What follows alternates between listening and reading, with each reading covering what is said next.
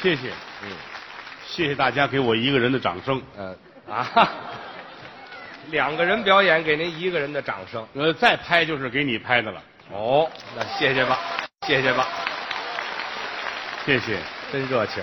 谢谢各位施主嗯啊，施主 大伙儿是对我们太捧了，是这样，无以为报。嗯，咱们都是朋友，嗯，也都熟悉。对啊，我跟于老师的关系也非同一般嗯，都挺好。啊，这就如同是我亲生的朋友嗯，什么话这就啊，在一起待了十好几年了嗯啊哥俩没吵过嘴，啊没红过脸。没搬过杠，对，为什么呢？嗯，尊重两个字，这是基础。您记住了，人跟人之间就是这俩字儿。哦，我们哥俩也是如此，我拿你当我的好朋友，嗯在我的心中您不是一般的人。是吗？老话说得好，金无足赤，人无完人。嘿，但于老师是个完人，我还完人这都快完了，这人啊，这快完美的人，哦是完美。这个人是一个真正的君子，您过奖。他从来不说谎啊他是一个好人，心地非常的善良，对谁都是当成亲人一样。你先等一会儿啊您先您这是什么意思？我来个避雷针，呃，嗯，夸我干嘛来避雷针呢？ 说谎是要遭雷劈的。哎呀，我们哥俩这些年，嗯，这是患难与共，哎，这这么过来的，肝胆相照。是我平时朋友不多哦因为我这人所有的时间都用在学习上。 你，你信了吗？你这我信不信？您说的是真事儿不是？哎，那当然了。除了上网，平时嗯没事我也喜欢看看小说，哦，学习一下尤其这段时间，嗯我喜欢上穿越小说。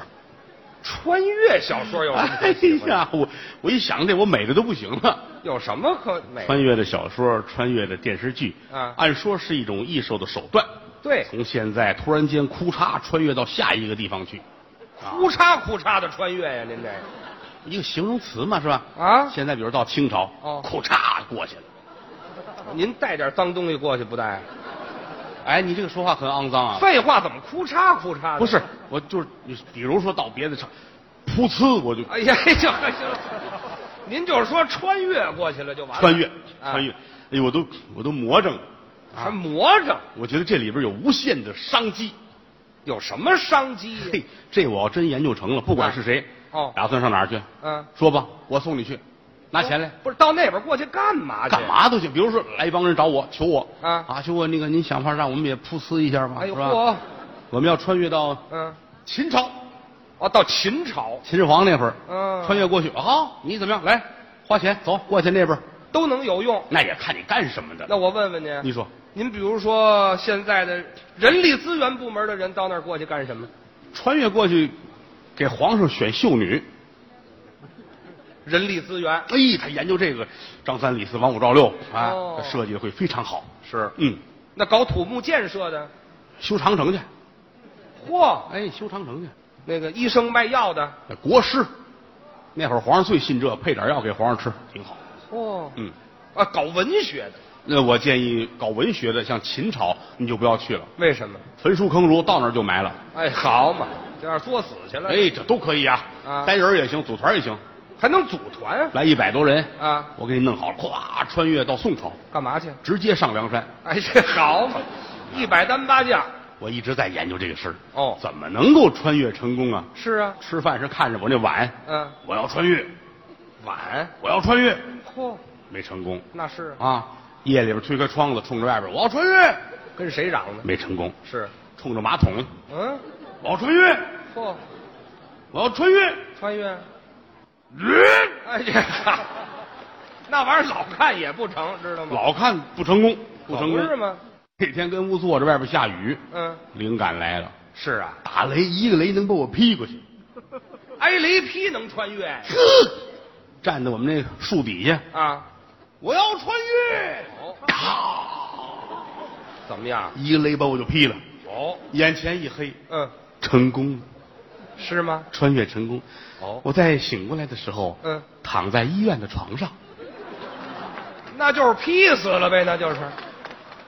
那穿越还能穿越到医院床上呢？嗯啊啊，我把这想法跟大夫一说，大夫说，你这个要不转神经科看看 吧？哎啊就是神经病了，您这我们医院治不了你这个。啊我说大夫，你们都是学这个医学科技的，怎么能够穿越？还问人家呢？天天问大夫没辙，嗯你要实在不行，你就回家摸电门去吧。哎，对，这是奔死去的，这一句话提醒了我，还真信呐！试一试，嚯，天下无难事。嗯只要有心人，你瞧上心了，我家里边有电门，谁家没电门呢？摸电门之前想一想，我要到哪里去？哦，对，嗯我到清朝。哦，清我朝看的穿越的电视剧就是清朝的。是是，好了，我要穿越，当，空嚓，听这声儿是成功了，成功，我穿越了。真去了。再一睁眼，我真到了清朝了，你瞧，在一个大花园里，哦这儿摆一桌子啊，啊，一桌子菜，哦，我跟这儿坐着，嗯，顶戴花翎，当官儿了，一个清朝的大官儿，嘿，两旁边各种的美女围着我，哎呀，厨子上菜，满桌都是菜，嚯，丫鬟们还劝我了，嗯，吃啊，吃吧，吃啊，嗯，吃什么吃啊？啊我还没发微博呢，啊，这嗨，这谁听得懂啊？拍完了发微博才能吃呢。那听不懂，突然间我得问问，嗯，我是谁呀、对呀，丫鬟们告诉我嗯，丫鬟您怎么了这是？您是刚才去一趟厕所回来都不认识自己了。哎上哪儿去了？您是和珅和的人，合中堂了。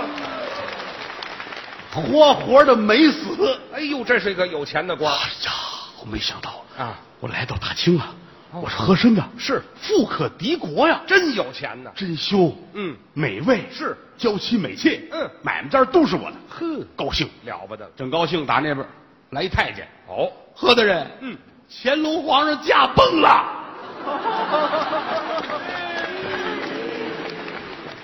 乾隆爷死了，我突然间想起来，我看过历史，是，乾隆死了，我就死了就转天的事儿。啊。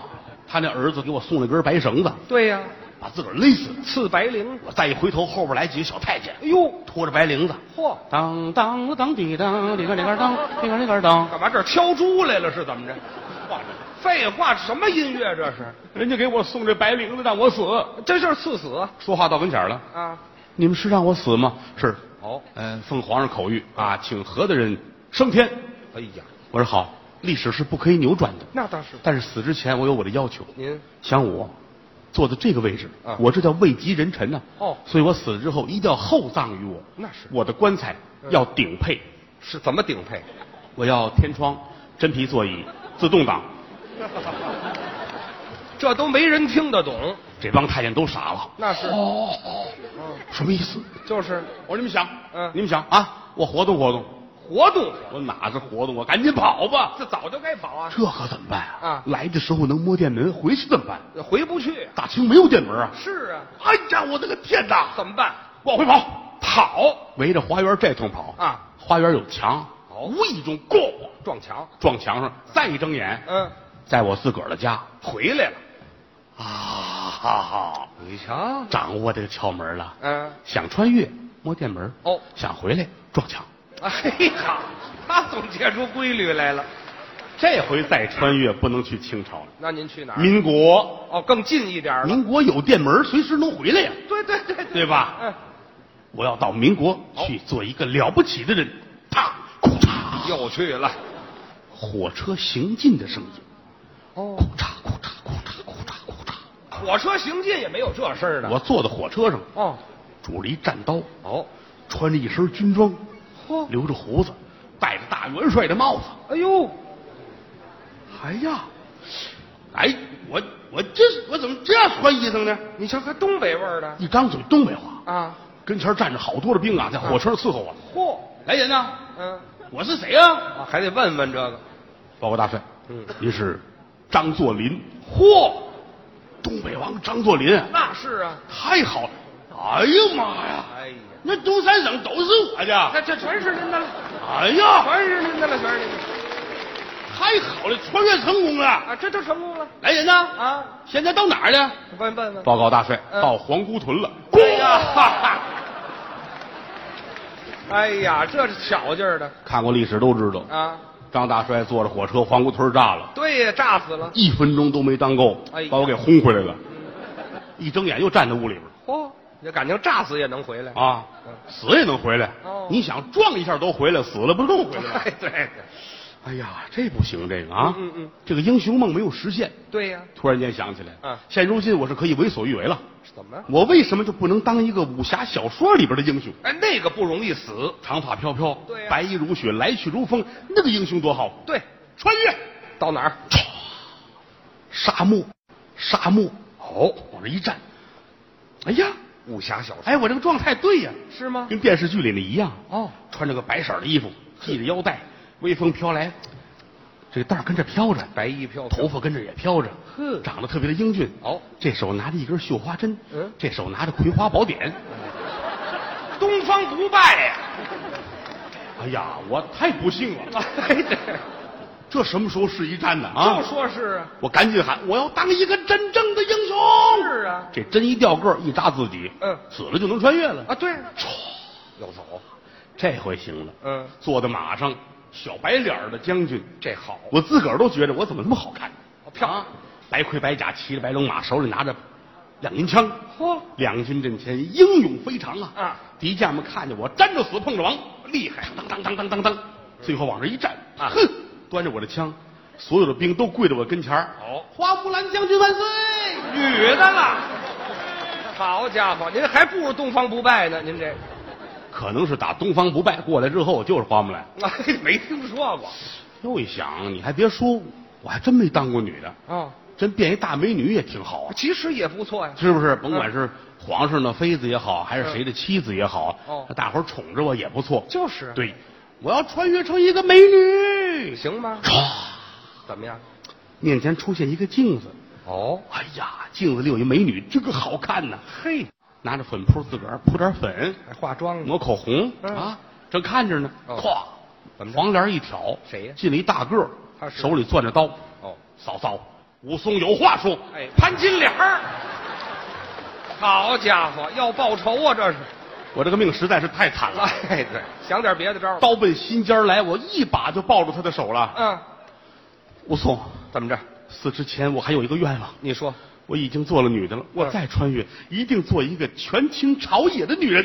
哗，又走了，再一睁眼，嗯，我又到了大清了，又到清坐在金銮殿上，嚯，面前摆着好多的小珠帘子，哦，头里边坐一小皇上。啊，我突然明白了，您是我是慈禧太后。老佛爷嗯，嗯，小李子，哦，小李子是谁呀、是，大太监李莲英。对了啊，小李子，嗯，回头一看，李莲英，我乐了。怎么？于谦儿哎，这没听说过。